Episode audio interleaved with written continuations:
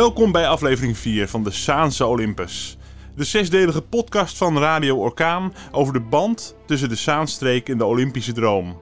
Mijn naam is Edwin Kleijs en ik maak deze podcast met Ruben van Duren.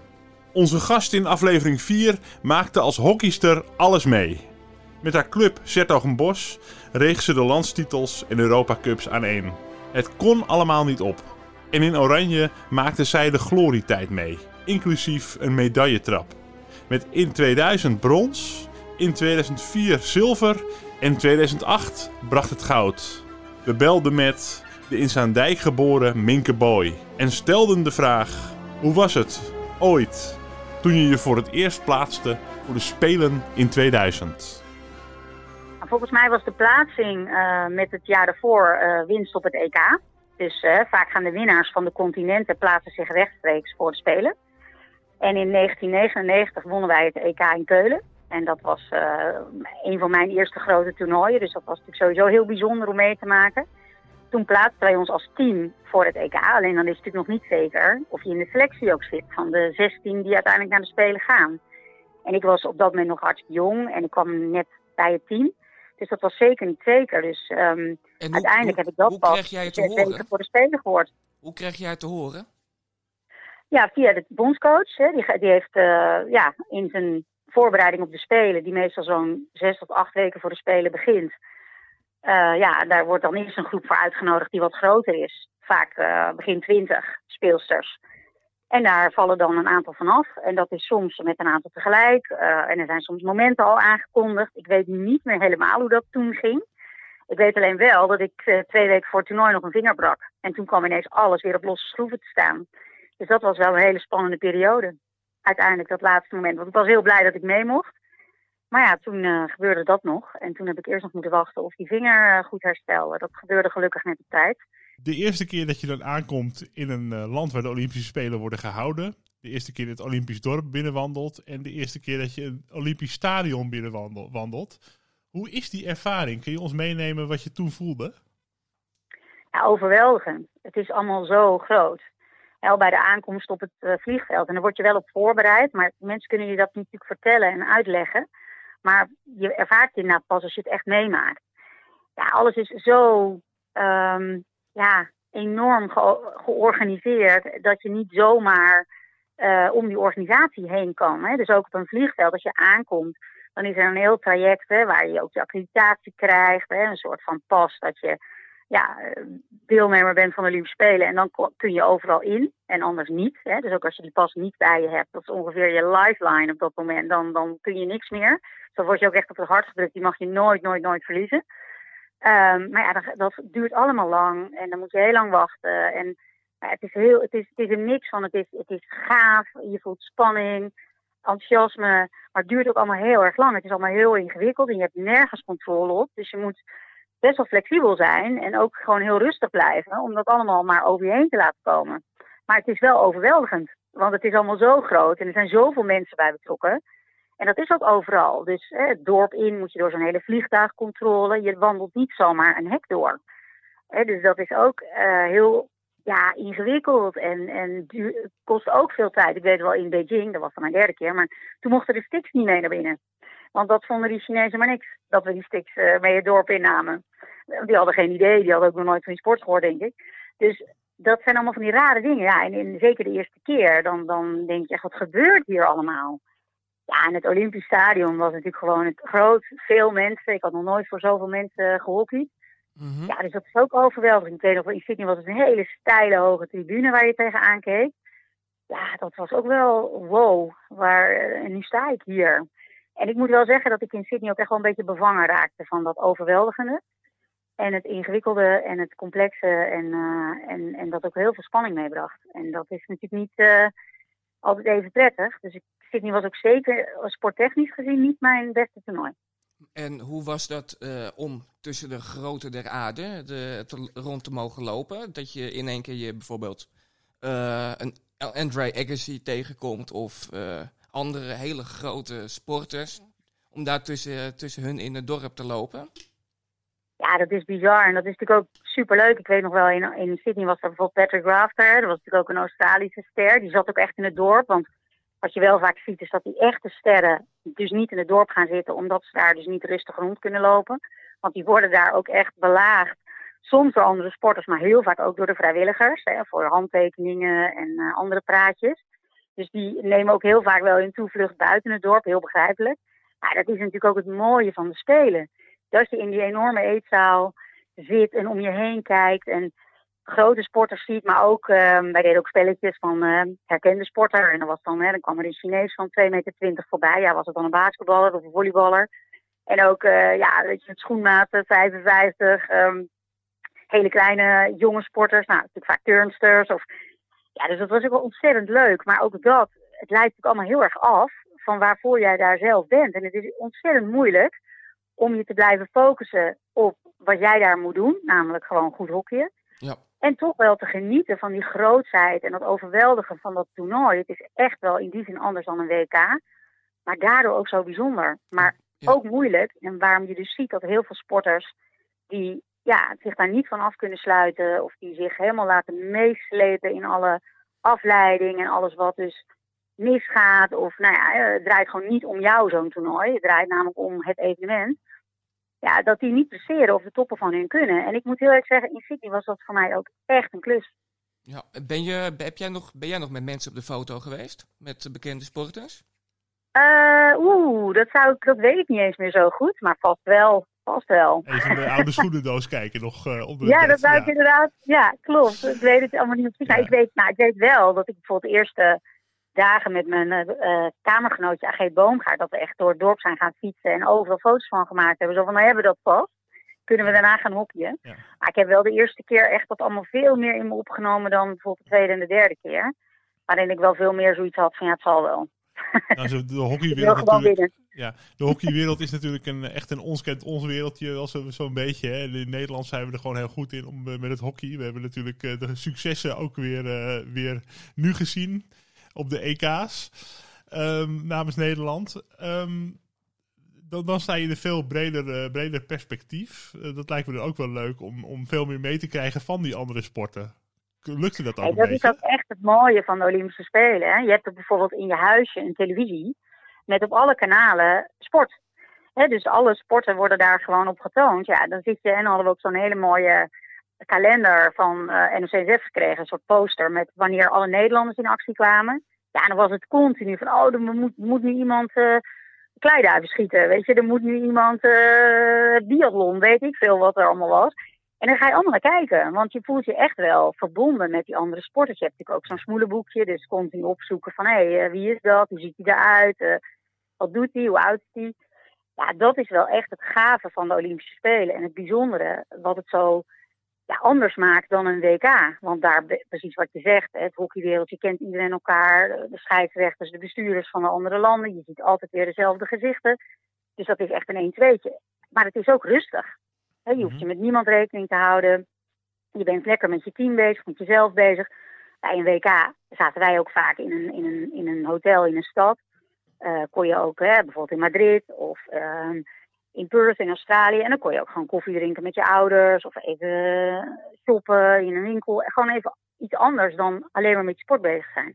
En dat kan op de Spelen niet. Alles draait om sport. Wat ik zei, je loopt niet zomaar in en uit het dorp. Nou, nu lag ook bijvoorbeeld het dorp in Athene echt volledig weg van de, van de, van de bewoonde wereld, zullen we zeggen. Dus ook als je daar het dorp uitliep, dan was er niks. Dus dan moest je weer een taxi een half uur om ergens in de stad te komen. Dus je zit heel erg in dat dorp, daar moet je je voor maken. En dat is natuurlijk allemaal sport. En je hebt ook altijd die sportkleding aan, want dat hoort erbij. Dus je wordt, bent ook heel herkenbaar. Iedereen weet van welk land je bent.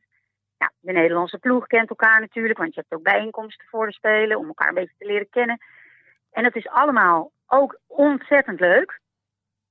Maar het is ook wel uh, een sleur op een gegeven moment. Hè. Je, je ziet alleen maar dat, dat huisje, de eetzaal, de weg naar de bus en de weg naar het veld. En op het veld natuurlijk.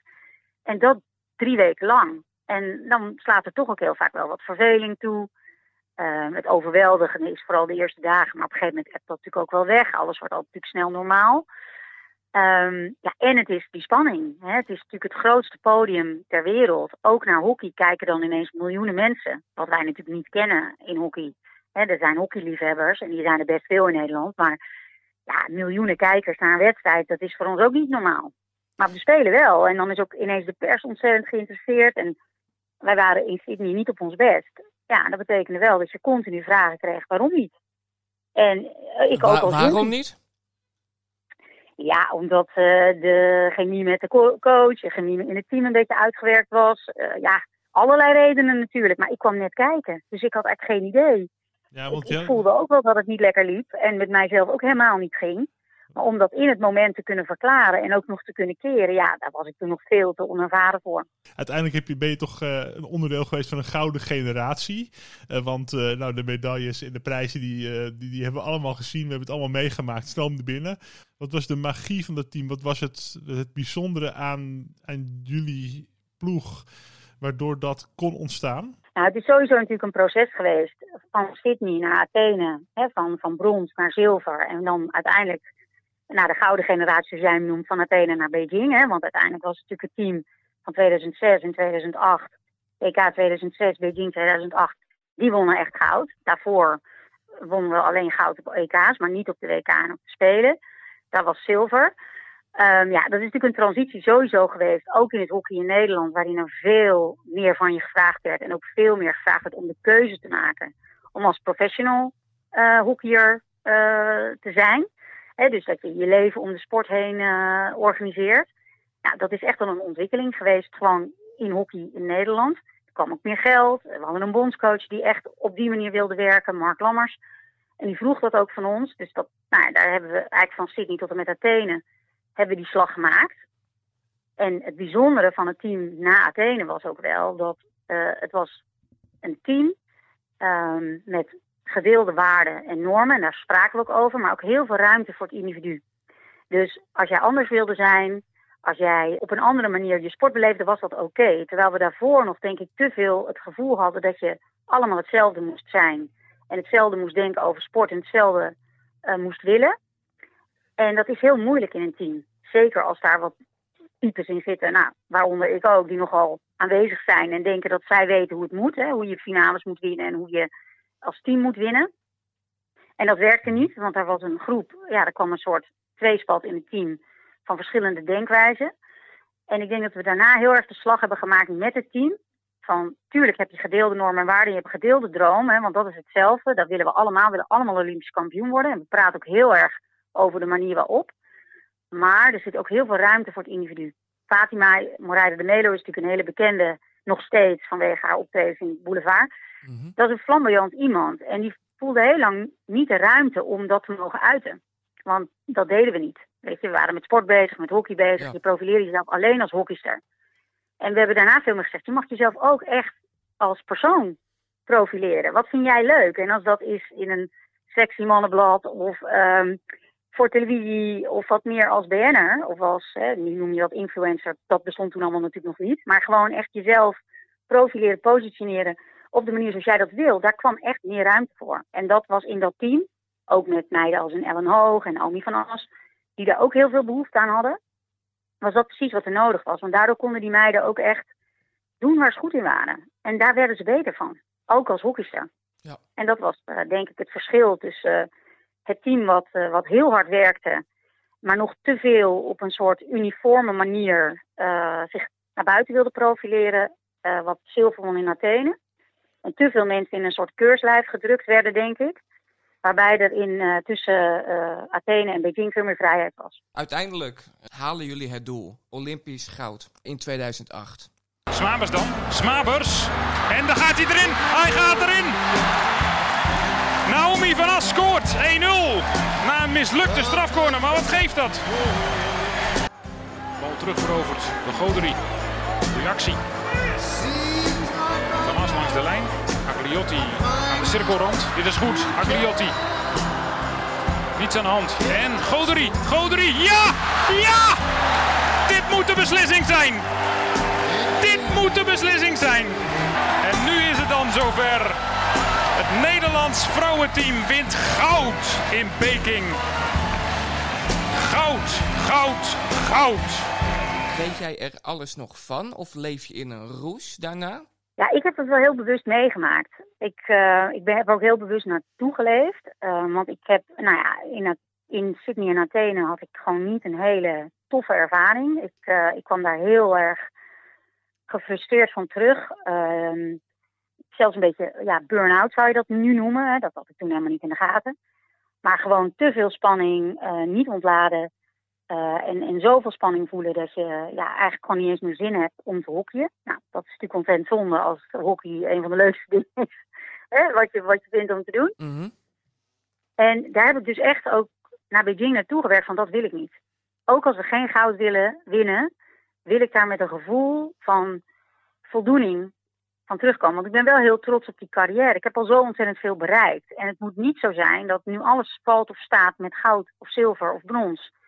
En daar heb ik heel erg bewust naartoe gewerkt. En ook, ik weet nog zo goed dat we op weg waren naar de finale in de bus. En dat ik echt ook dacht, dit is de allerlaatste keer dat je in een stadion gaat spelen voor mensen. Geniet daar nou eens van.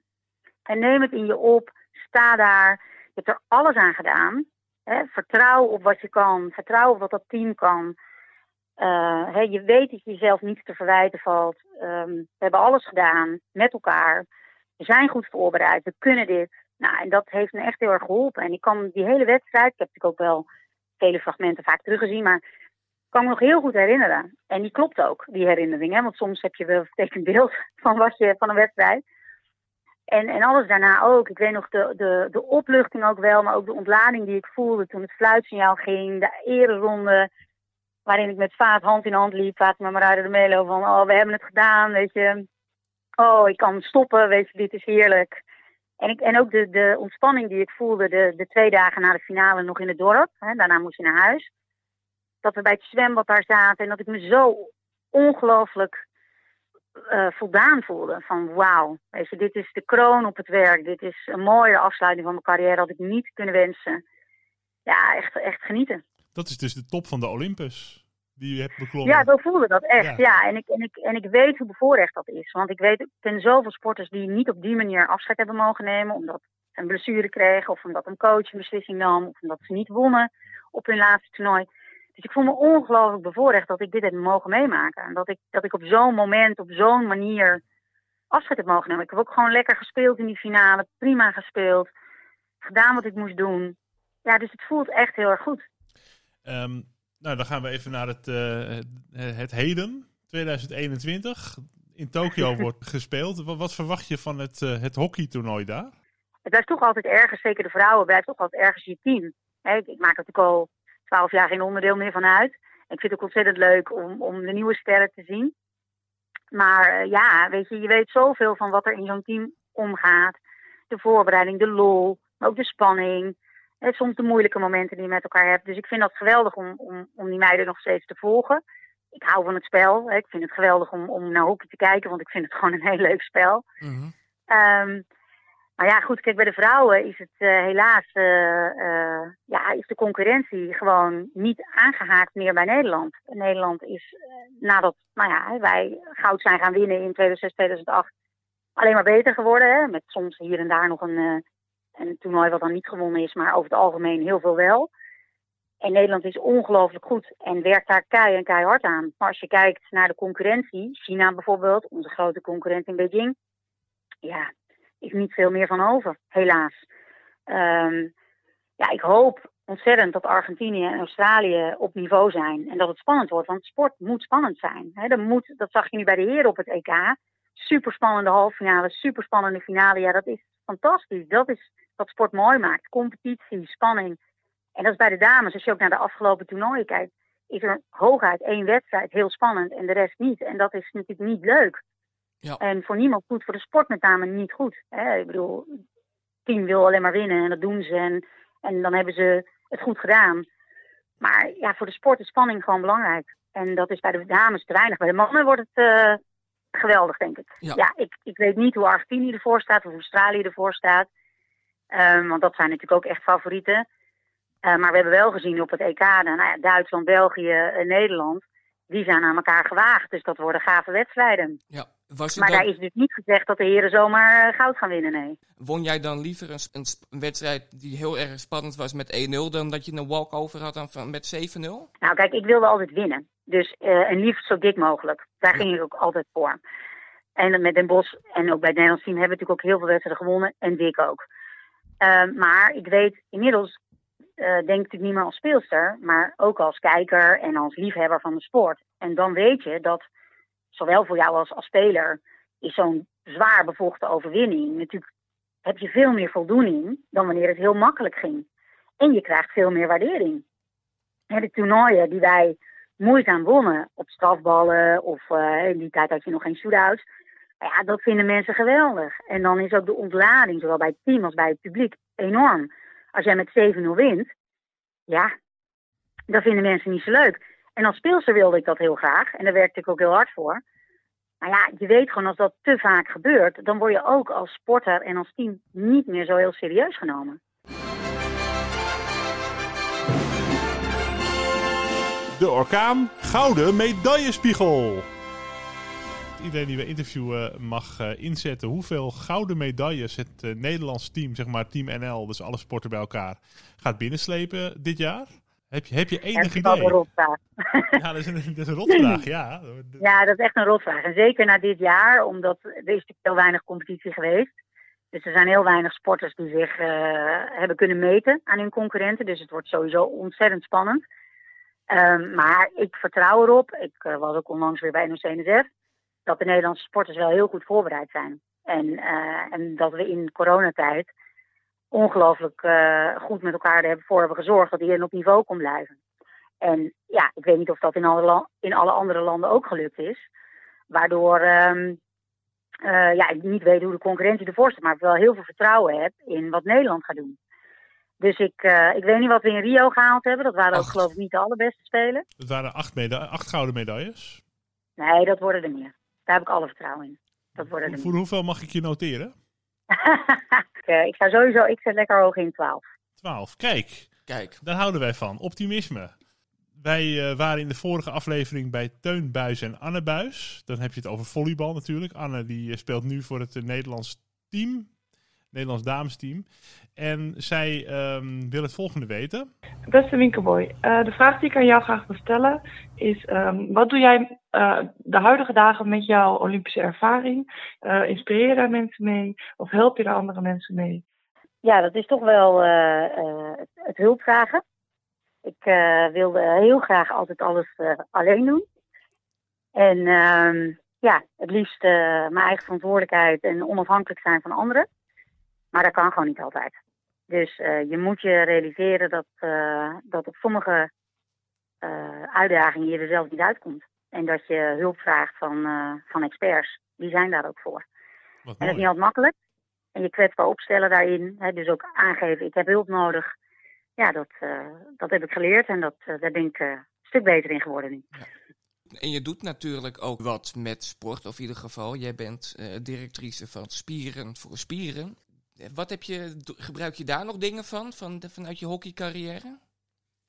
Ja, kijk, de sport heeft gemaakt wie ik ben. Dus alles wat ik, uh, ja, zoals ik me heb ontwikkeld, dat komt voor een heel groot deel voort uit die sportcarrière. Want dat is zo'n bepalende factor geweest in mijn leven tussen mijn vijftiende en mijn dertigste. En dat is natuurlijk een periode waarin je volwassen wordt, waarin je ja, je ontwikkelt, um, je keuzes maakt. Dus ja, ik ben alles. Alles wie ik ben is dankzij die sport. En dus neem ik het continu met me mee. Binnen Spieren voor Spieren is sport natuurlijk echt een middel om fondsen te werven voor kinderen met een spierziekte. Ik heb natuurlijk ook dankzij de sport een enorm netwerk in de sport. En um, kan ik daar mooi over vertellen. Dus dat, dat helpt elkaar ontzettend. En uh, Spieren voor Spieren is eigenlijk altijd wel geleid door een sportprominent. En uh, ja, dat is dus ontzettend leuk dat, dat ik dat ook heb mogen doen. En dat ik nu die stichting uh, mag leiden en, uh, ja, en mag helpen om, uh, om zoveel mogelijk geld in te zamelen om hopelijk ooit spierziekte bij kinderen volledig te verslaan. Waar zijn jullie mee bezig met spieren voor spieren momenteel? Zijn er nog bepaalde acties die we kunnen verwachten dit jaar? Ja, gelukkig komen de evenementen en acties weer zo'n beetje op gang nu. Dus dat is heel erg fijn. dat heeft echt wel een hele tijd stilgelegen. En voor een, een fondsenwervende organisatie die vooral afhankelijk is van mensen die samenkomen, die hun gezonde spieren in willen zetten voor voor kinderen met zieke spieren. Ja, dat was het echt een moeilijke tijd. En, uh, en hebben het ook heel zwaar gehad qua inkomsten. En dat is natuurlijk ook gewoon vervelend, want we zijn allemaal mensen die, uh, die graag in actie komen, graag andere mensen ontmoeten. Dus dat komt nu weer op gang. Dus daar zijn we heel blij mee. Ja, geweldig leuke acties. Uh, In Brabant wordt bijvoorbeeld de Ronde van Frankrijk en Spanje gefietst. Dat betekent dat ze de omtrek van die landen fietsen. De Dam tot Damloop komt er weer aan. Hè. In jullie omgeving kun je ook voor ons uh, inschrijven en, uh, en, meedoen. Ik ben zelf bijvoorbeeld een uh, wandelaar. Ik doe altijd de wandeltocht. Kan ik dat ook lopen voor spieren voor spieren? Zeker. Mensen kunnen natuurlijk ook zelf hun actie aanmaken. We hebben daar een platform voor, sportvoorspieren.nl. En daar kunnen mensen ook heel eenvoudig of aanhaken op een bestaand evenement of bestaande actie, zoals een Dam tot Damloop. Maar je kunt ook heel eenvoudig je eigen actie aanmaken. En dan, ja, zelf in je omgeving vrienden, kennissen aansporen om uh, een donatie te doen, zodat jij een mooie prestatie gaat, uh, gaat leveren. Hè? Bijvoorbeeld door uh, te wandelen of, of iets anders, of te fietsen, of te rennen, of te zwemmen. Hè? Den Helder Tessel is ook een geweldige zwemtocht waar een groep mensen al jaren voor ons aan meedoet en fondsen werkt. Dus er zijn er van allerlei verschillende sportieve acties die voor ons georganiseerd worden. En daar zijn we ongelooflijk blij mee en ook elke keer weer heel dankbaar voor dat mensen zoals ik zei, hè, een gezonde spieren in willen zetten voor kinderen met zieke spieren. Met graagte verwijs ik je voor deze acties en meer door naar spierenvoorspieren.nl. En de volgende aflevering natuurlijk van de Zaanse Olympus. Die staat in het teken van handboogschieten. Wietse van Alten won brons in Sydney 2000 en kwam ook in 2004 in actie in Athene. Uiteraard heeft Minke Boy een mooie vraag voor Wietse. En die vraag luidt: hoe beleef jij nu de Olympische Spelen, nu je er zelf niet meer bij bent? Het antwoord hoor je in Zaanse Olympus, aflevering 5.